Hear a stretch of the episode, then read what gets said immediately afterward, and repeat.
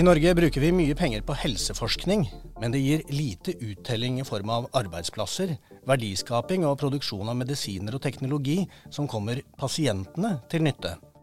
Leif Rune Skymoen har sittet et drøyt halvår i sjefsstolen i LMI, og har tidligere ledet Curida, en av få norske bedrifter som faktisk produserer legemidler. Hva er hans diagnose på norsk helsenæring, og hvorfor tar alt så mye lengre tid her enn i andre land? På vei inn fra venterommet er Håkon Haugli og jeg, Kjetil Svorkmo Bergman.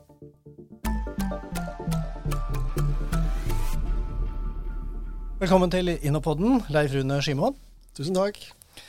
I mars overtok du sjefsstolen i legemiddelindustrien, LMI, som samler norske og internasjonale legemiddelselskaper og biotekselskaper. Da kom du fra bedriften Curida, som utvikler og produserer legemidler, eller medisiner som vi andre gjerne kaller det. Den bedriften var du med på å grunnlegge i 2015.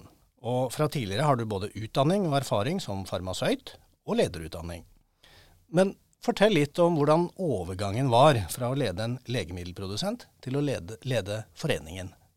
Ja, eh, Curida var jo en, eh, litt av en reise. Eh, for utgangspunktet der var jo en eh, tidligere Nycomed-fabrikk som skulle legges ned, og som vi da kjøpte ut og, og starte eget norsk selskap. Eh, og skulle jo da skaffe kunder i, i, det internasjonale markedet. Og det var jo en fantastisk reise, egentlig, som uh, litt slik norsk uh, industrieventyr, egentlig. Uh, men jeg skal vel også si at det, det, var, det, var, utrolig givende og utrolig krevende å være gründer til en industribedrift. Og så etter åtte år der, så, så, gikk jeg over til LMI nå tidligere i år. og jeg har alltid likt å jobbe med rammevilkår og med politikk, så for meg så var det ganske naturlig, for da, fikk jeg lov å gjøre det på, på heltid. Eh, og jeg tenker Felles for begge de organisasjonene er jo det at det, det handler jo om å skape noe nytt. Prøve, prøve, å bygge noe, samtidig som vi prøver å løse noen eh, utfordringer i, i samfunnet. Eh, og felles for begge er jo at det er vanvittig mye flinke personer på begge plasser, så det er en glede for meg å få lov å jobbe med dem. Mm. Er det nyttig for deg i den stillingen du har nå, å ha erfaring som gründer? Ja, det vil jeg si. Ja, fordi inn i den jobben i LMI så tar jo jeg med meg eh, alt det jeg har lært som, eh, som gründer, og så, jobbe med å etablere et selskap. Og samtidig så har jeg tidligere jobbet både som leder for en klynge, og jeg har jobbet ti år i et eh, amerikansk uh, globalt legemiddelselskap, så jeg har hatt skoa på i litt forskjellige leire i vår industri, og det prøver jeg å ta med meg inn i den jobben jeg gjør nå. Mm. Eh, LMI har 64 bedrifter som medlemmer, med mer enn 4500 ansatte. Og de representerer 80% av legemiddelomsetningen i Norge. Den er årlig på ca. 18 milliarder kroner. Det er uh, ikke noen liten klubb vi snakker om her, men, men er legemiddelindustrien i Norge litt oversett? Jeg tror nok alle er veldig klar over produkta som uh, vi har, for de trenger vi jo alle sammen hver dag. Og også om industrien er oversett, det er litt ja og nei. fordi jeg tror nok alle har hørt om f.eks. Nycomed, som jo er et tradisjonsrikt norsk selskap som er kimen til både GE Healthcare og Next Pharma, som det heter, og, Curida eh, driver med i dag. Alt det kommer ut ifra fra eh, Nycomed. Veifa har jo mange et eh, forhold til i tillegg. Men samtidig så tror jeg en industri der Norge først nylig virkelig har sett potensialet og muligheter som ligger i det, og begynt å legge, legge til rette for det. Og det er jo en industri som, som har, hvis vi ser på nabolandene våre, har en enorm eh, betydning. Eh, Novo Nordisk Danmark det er nå Europas mest verdifulle selskap av alle. Eh, og det er mer enn fire ganger så mye verdt som Equinor, bare for å sette det i norsk, norsk perspektiv. Og, og, vi vet jo at eh, i Sverige har de jo AstraZeneca, som er, eh, har jo virksomhet i mange land, men bare fra Sverige alene så eksporterer de for nesten 100 milliarder. Så det her er, det, er store, store selskaper. og Eh, I Norge så er vi foreløpig på en eh, eksport på litt over, over 20 milliarder, men det jobber jo med for at den skal bli betydelig større. Uh, dette her er jo nærmest en sånn lissepasning til deg, Håkon. ja. Absolutt. Um, ja, det er mye å si om det her. Men um, uh, Altså For det første er jo helsenæringen en stor eksportnæring. Jeg tror vi må si det da, fordi eh, Ja, det er potensial for veldig veldig mye mer, men jeg tror det er litt, det tror jeg ikke veldig mange vet. Altså GE Healthcare, da, som du nevner, Leif Rune, er jo, står alene for 2% av norsk fastlandseksport. Altså De har en fabrikk på Lindesnes og et produksjonsanlegg eh, i Oslo. Så det finnes store, store bedrifter med lang, lang, historikk i Norge. Men, er, men så er det veldig mye vi er dårlige på, da. Jeg tror jeg begynner der. Og det er vi er for svake på å få fram nytt innenfor helsenæringen. Det tar for lang tid. altså Vi bruker mye penger på forskning, og det mener jeg er helt rett at vi gjør. Men den forskningen den uh, har jo potensial i seg da, for å la, skape nye løsninger, at nye ting kan tas i bruk, medisiner skaleres opp, bedrifter etableres osv. Det skjer i altfor liten grad. Og vi vet fra bedriftene at de etterlyser et hjemmemarked. Dette er generelt ved helsenæringen. At skal du starte noe som helst, så trenger du et hjemmemarked. Og det, det er vanskelig da, med offentlige anskaffelser i Norge. Så det er en god del ting som jeg tror er ganske lavthengende frukter, da, som kunne fått ordentlig fart på norsk helsenæring. Så bare siden jeg har ordet, jeg må si at Innovasjon Norge jobber mye med norsk helsenæring. Og det skulle bare mangle, for det potensialet er stort. Og vi forholder oss jo til eh, det, det markedet etterspør. Og vi har mange, mange, mange oppstart oppstartsbedrifter innenfor helsenæringen som vi gir støtte til. Men de har det felles nesten alle sammen at de bruker lang tid på å vokse. For lang tid på å vokse. Ja, altså Det var i grunnen dine ord, dette med at vi bruker mye penger på helseforskning, men at det gir lite uttelling i form av arbeidsplasser, verdiskaping og produksjon av medisiner og teknologi osv. Ja, jeg har kanskje sagt det. og det er det med å inne for det. Altså. det. Ja, det er et tankekors. Og det har nok litt med hvordan den forskningen eh, både finansieres og hvor i helsetjenestene den, eh, den skjer. Og, og, det vet vi jo da fra all eh, måte, innovasjonsteori at skal man lykkes med uh, innovasjon, så krever det mange ulike måte, interessenter inn. altså Man snakker om trefaktor- eller femfaktormodell. da. Så Du trenger etablert næringsliv, du trenger offentlige myndigheter, du trenger uh, investorer, uh, kunnskapsmiljøer og andre inn. Og de må på en måte samhandle da i tidlige faser, for hvis ikke så går det ikke. Og det her tror jeg det er en koblingsjobb da, som, som trengs å gjøres fortsatt. Og alt det sagt, stor entusiasme for, hos oss, da, fordi vi ser jo, i likhet med LMI og andre, det enorme potensialet i denne næringen. Det kan virkelig bli en stor norsk eksportnæring. Mm. Kjenner du deg igjen i den beskrivelsen, Leif Rune? Ja, jeg er det. Altså, vi, har, eh, vi, investerer jo tungt i medisinsk forskning i Norge. 12 milliarder i året. Så har vi ikke vært flinke nok til å høste frukten til det. Og vi har på en måte litt brudd i, i verdikjeden, for vi, vi, klarer ikke å, å, få teste ut og oppskalert og industrialisert eh, det som vi utvikler i Norge. Og Det er jo det vi virkelig håper skal skje nå, at vi skal kunne klare å bygge en større og sterkere industri eh, ved, at vi, ved, at vi, klarer å både kommersialisere og allerede stå og produsere i Norge. Men eh, da har vi produkter som, som vi har eh, rettigheter på i Norge, og som vi da kan eh, selge til, eh, til, andre land. Og det er jo en næring som, hvis du analyserer den, så vil du se at eh, verdiskapingen per person er jo ekstremt høy. og det er noe vi trenger i Norge da vi skal finne litt alternativer til det som skjer i Nordsjøen. For det er jo en, en næring som, som, har den samme verdi, høye verdiskapingen per person. Eh, dere omtaler jo da helseindustrien som en kunnskapsnæring, og det er det selvfølgelig ingen tvil om at det er. Eh, som bidrar eh, med verdiskaping i form av arbeidsplasser og eksportinntekter. Men hvis vi nå oppsummerer så langt det dere har sagt, hvilken diagnose vil du stille på denne næringen nå? Jo, men Vi har vært gjennom en, en reise. Også, du skal ikke så mange år tilbake før det, før det var litt hvert fall politisk eh, ganske betent å nevne helse og næring i samme setning. Ja. Eh, mens, eh, mens, det er det ikke nå lenger. Det, vi, vi, har sett verdien både av det, det, det, som næringen kan bringe i form av eh, arbeidsplasser, skatteinntekter, eksportinntekter, eh, men òg eh, hvor viktig den næringen er for å løse utfordringen til helsevesenet framover. men det er ingen stor industri i Norge ennå. Men det er et moment nå, syns jeg. Og vi, har, eh, vi, ser jo at uh, regjeringen har jo tatt noen, ganske interessante grep nå. Før sommeren så ble det jo uh, annonsert at helsenæringen er en av de prioriterte eksportsatsingene til, til, regjeringen. og nå ja, i bare noen få dager siden så, så ble det jo kjent at uh, vi har ikke et eget veikart for helsenæringen. Så det er en politisk vilje som vi egentlig aldri har sett uh, maken til, til, i Norge. Altså Ordet diagnose, hvis jeg får skyte inn der, det antyder jo at noe ikke er friskt. Og det, det er jo Helsenæringen er frisk, men den er bare altfor liten. Så det er jo mer enn medisiner, så leter vi nok etter en type kosttilskudd. Altså noe som kan på en måte styrke alt det som er bra, da.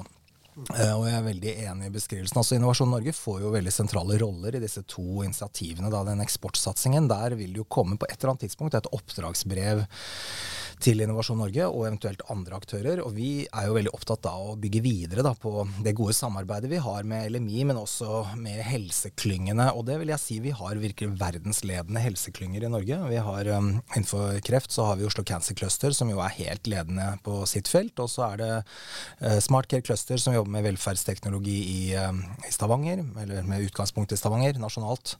Og um, uh, Norway Health Tech, som jobber med mer bredt med helseteknologi. Og så har vi også fått Life Science Cluster, som er, eh, har utspring på Universitetet i Oslo. Så det er fire helseklynger, da, i, veldig forskjellige, men som samhandler. og her, I dette måte, økosystemet da, så ligger jo spirene til en veldig offensiv både eksportsatsing, men også en videreutvikling og si, industribygging. Uh, så det blir spennende framover. Og jeg er enig også i analysen. da, si det også. Jeg syns det har endret seg sånne ord som marked, eh, kommersialisering, kunde veldig sånn tabubelagt, og kanskje særlig og må de som hører på fra universitet- og høyskolesektoren bære over med meg, da, men jeg følte det var en veldig motstand der en periode. Da. Man, det var helt greit å snakke om at medisiner skulle tas i bruk, men at det var kunder eller en, en verdikjede, det var fremmedgjørende. Og da endret seg grunnleggende. Veldig annerledes, og det er bra. Og så gjorde korona noe med oss. Jeg vil si det også. Vi så hvor viktig og avhengig vi er av at de der prosessene både går raskt, og at uh, det er miljøer da, som går inn og bl.a. tar risiko. Altså venturekapital liksom, inn i uh, medisinproduksjon. Kjempeviktig. Jeg tenkte vi skulle komme tilbake til det, men siden vi nå var inne på dette med, med veikartet, så, så, var det jo sånn at LMI uttrykte masse begeistring eh, da regjeringen la fram eh, dette kartet. Og, og, dere peker på noen punkter som dere mener er spesielt viktige. Og ett av dem er at regjeringen vil videreutvikle katapultordningen i dagens virkemiddelapparat. Katapult og legemidler passer ikke sånn umiddelbart sammen i mitt hode, så du må forklare hvorfor dette er viktig. Eh, ja, eh, men eh, det er litt tilbake til den verdikjeden som, som vi, vi, prater på. fordi at vi, vi, har vært litt for svake i Norge til å teste ut innovasjoner, til å skalere dem og, og ta dem ut i markedet. Og katapultordningen er jo slik sett skreddersydd for akkurat det. Det, mm. det er det, det bruddet i verdikjeden der vi, vi er kjempegode på forskning. Og vi, vi har jo også, må si at vi har klart å ta fram ganske mye spennende biotekselskaper men det vi vil, er at de skal kunne vokse seg store i Norge, i stedet for at vi, vi mister dem ut. Mm. Og der, der, tror jeg katapultordningen kan være ett av flere gode virkemidler. Så da er vi glad for å se at den, den blir løftet fram. Og det handler vel om også i første omgang se eh, hvordan den eksisterende katapultordningen kan, kan uh, utnyttes av vår næring. Og så er det jo i tillegg å se om det er noen andre grep vi må gjøre spesielt for næringen. Og, og for den som ikke er kjent med det, katapultordningen er en ordning som gir dere anledning til å teste ut produktene deres eh, i, et laboratorium, eller, eller, hvordan er det? Ja, altså det er jo en ordning som, eh, som eh, alle næringer egentlig kan, kan benytte seg av, som, som, har akkurat med det at du kan Eh, det ligger jo litt i ordet, men du skal kunne teste ut noe i en tidlig fase og se om du får virkelig fart på det og kan, kan kaste det langt ut i markedet etterpå. Mm. Altså Jeg er jo mye mer opptatt av, hvis jeg kan si det, av det som kommer senere enn katapulten. For jeg tror veldig på uttesting, og jeg tror det er et veldig godt grep. Men virkelig bøygen da, for selskapene, også disse biotech-selskapene, det handler om risikokapital senere i deres utviklingsløp.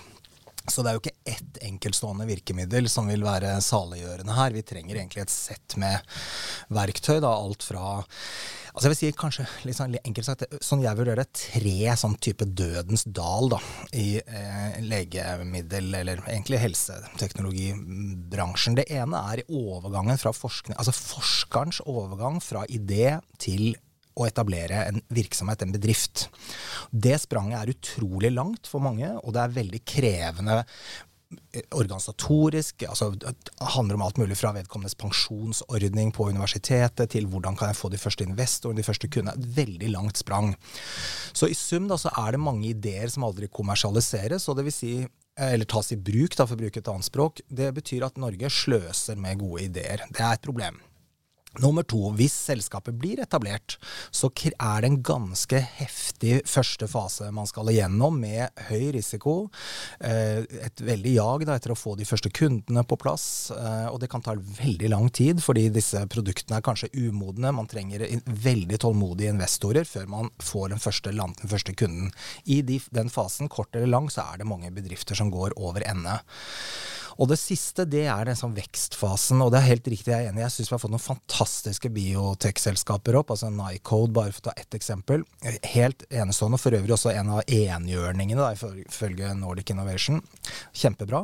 Men vi har for få av dem, og de sliter med kapitaltilgang i senere faser. Og også faktisk med kompetansetilgang. Og det er noe annet, enn annet hinder da, for vekst. Norge har Dette er litt høna og egget. Når vi ikke har noe sterk helsenæring, så har vi heller ikke masse tilgang på kompetanse. men så igjen er det et hinder for å utvikle den helsenæringen. Så det der er jo en langsiktig prosess. da. Så, og det er en annen type kompetanse å drive kommersielt uh, arbeid med legemidler enn å drive forskning på det. Så det, det er også en, et hinder. da. Når jeg har sagt dette, høres jeg pessimistisk ut. Jeg mener alt dette er veldig løsbart, men det krever da en sum av verktøy og virkemidler og et veldig godt samspill mellom ulike aktører i helsenæringen, og, og myndighetene, ikke minst. Men det er jo ofte vært sagt om uh, denne typen bedrifter at de har enormt lange utviklingsløp. Mm. Uh, og så får de godkjent produktene sine. Og så er drømmen å bli kjøpt opp av et stort internasjonalt selskap. Altså Det, det første sånn? tror jeg er riktig. Altså At det er lange utviklingsløp. Det er selvfølgelig ikke alltid det, men ofte er det det. Og fordi det, er en bra, disse det, Produktene skal jo inn i folk kropper i veldig stor grad. Det er klart det må være standarder da, for hvordan det, det, skal skje. Og det foregår gjennom internasjonale prosesser for godkjenning. Så det er lange løp. Selvfølgelig noen ganger ikke fullt så lenge, men det er hovedregelen.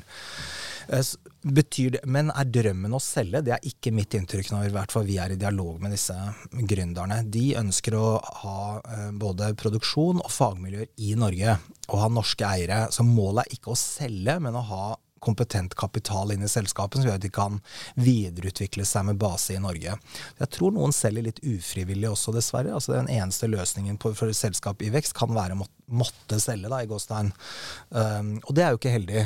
Samtidig kan jo kapital utenfra, både norsk og internasjonal, være veldig bra, for det gir både tilgang til selvfølgelig pengene, men også uh, distribusjonskanaler, kompetansemiljøer og annet som er viktig i en vekstfase. Men, men, jeg tror ikke, det, er ikke helt svart-hvitt, det her. For det, det, er mange løsninger på det å kunne ta en innovasjon helt ut til pasienten. Eh, og det er klart eh, I Norge så hadde nok vi, vi, trenger noen lokomotiv i Norge som, som, går før. Og vi skulle gjerne sett at vi kunne hatt norske selskaper som da det produktet forblir på det norske selskapets eh, hender, og vi kan ta det helt ut i markedet. For da får vi jo høste hele den, den verdien fra, fra, hele kjeden. Ehm, men samtidig så jeg ser ikke på det som noe slik negativt, det at, eh, at utenlandske selskaper eh, viser interesse for norske selskaper. Du kan, du kan f.eks. se Det er faktisk ti år siden den måneden her, eh, så kom de første dosen med Sofigo. Det er Algeta sitt legemiddel. De kom, ja. de kom ut eh, til pasient. Det er ti år siden den måneden her. Det er jubileum. jubileum. Det er jubileum. Ja. Eh, og, og, det er jo en fantastisk historie der, der, som jo springer ut ifra det norske kreftforskningsmiljøet, og der, der det er jo et legemiddel som ble utviklet som, som brukes til kreft med spredning til skjelett, eh, som inneholder et, eh, en radioaktiv komponent. Og da ble uh, utviklet i Norge og ble satt i produksjon eh, i tilknytning til atomreaktoren på Kjeller, faktisk.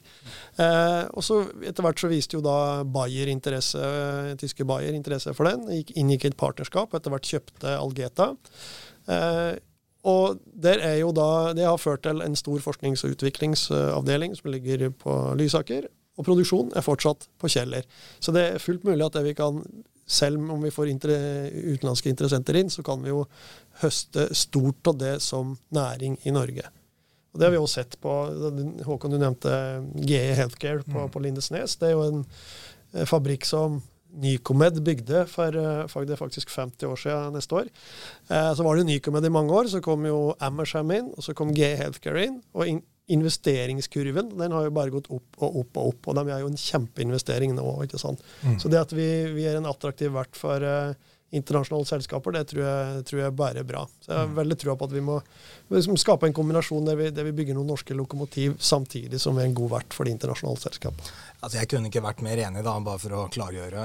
En del av vårt oppdrag som organisasjon er også å tiltrekke utenlandske investeringer til Norge ut fra nettopp dette rasjonalet. Da. Så vi er helt samkjørte der. Så tror jeg vi trenger begge deler. Ja. men dere i LMI sier at vi må, um, vi, vi må, satse der vi har vinnermuligheter, hvis vi skal nå fram uh, i det internasjonale markedet. Og Hvis jeg skal kunne be deg om å se litt framover, da, hvor, hvor er det uh, Norge har vinnermuligheter?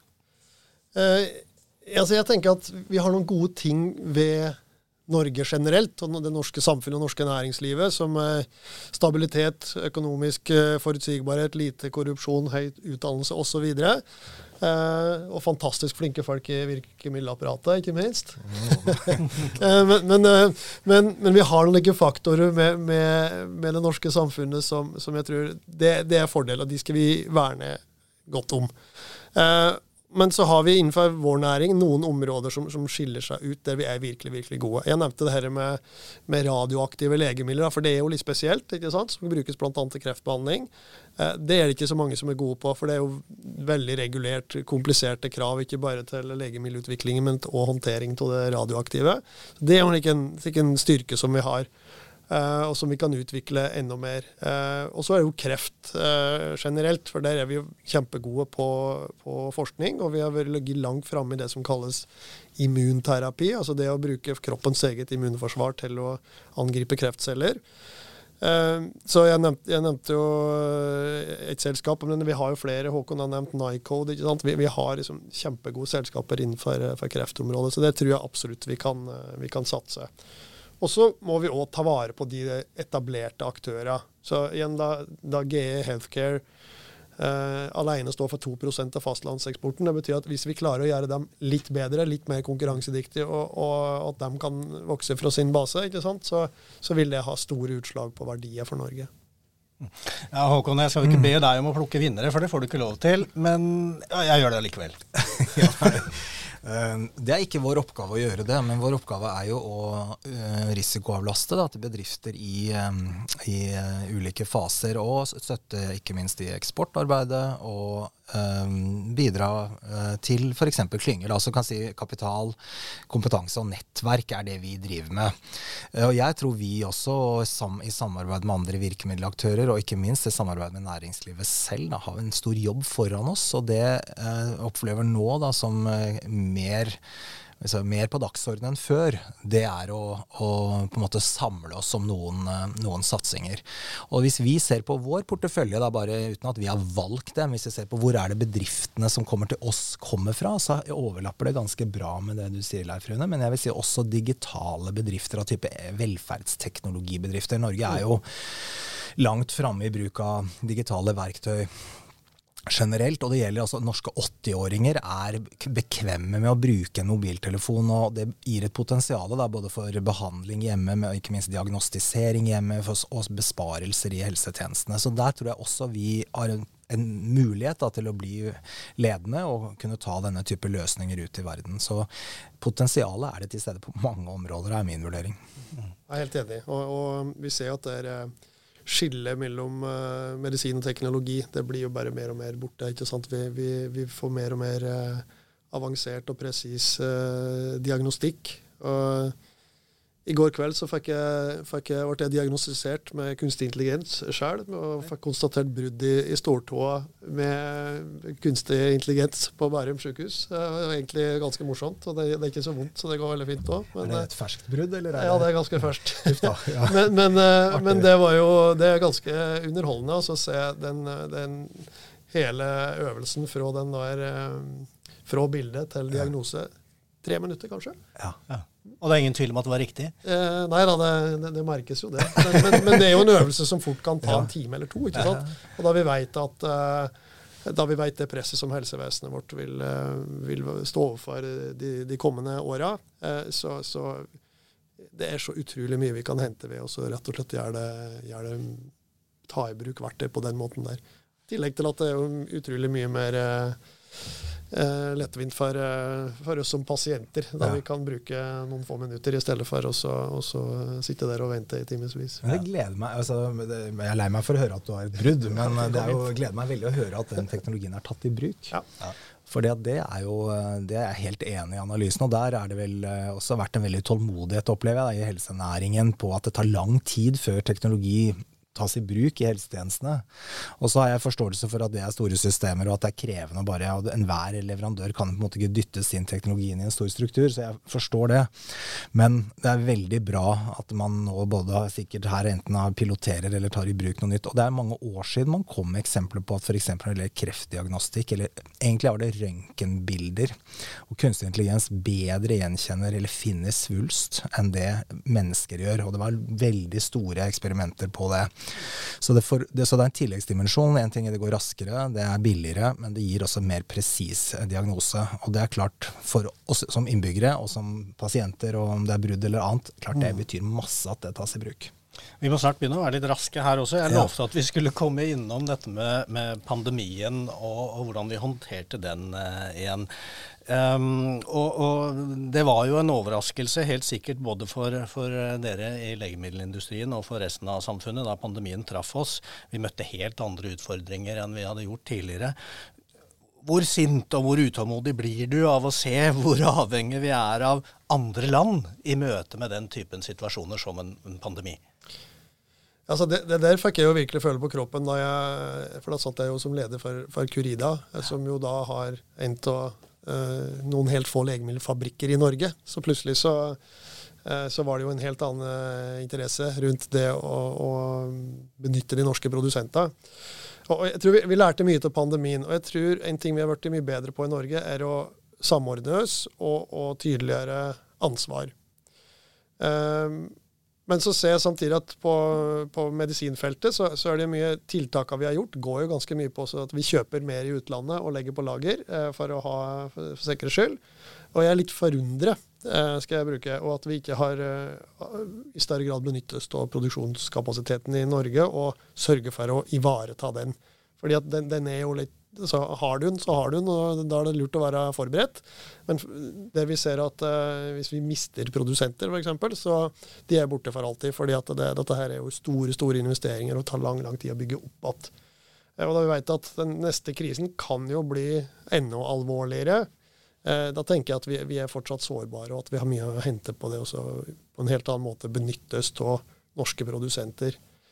Uh, og så er det ikke slik at vi skal være selvforsynte på medisiner i Norge, for det, det, det, kommer vi aldri til å være. Men vi kan i langt større grad uh, ha tryggere, tryggere, løsninger på de aller mest uh, kritiske løsningene, og så er det kritiske legemidlene. og så skal vi absolutt være en del av internasjonale samarbeid, men da er det jo fint at vi kan bidra med noe annet enn penger, men at vi faktisk kan komme med, med kompetanse og med produkter. Mm. Det får vi satse på. Og så har vi ikke gitt eh, legemiddelindustrien noen egentlig diagnose, men vi har identifisert et visst behov for eh, kosttilskudd. Takk for at du var med oss, eh, Leif Rune Skimoen, administrerende direktør i legemiddelindustrien. Takk til Håkon Haugli. Mitt navn er Kjetil Svorkmo Bergman. Vi høres igjen i Innopodden.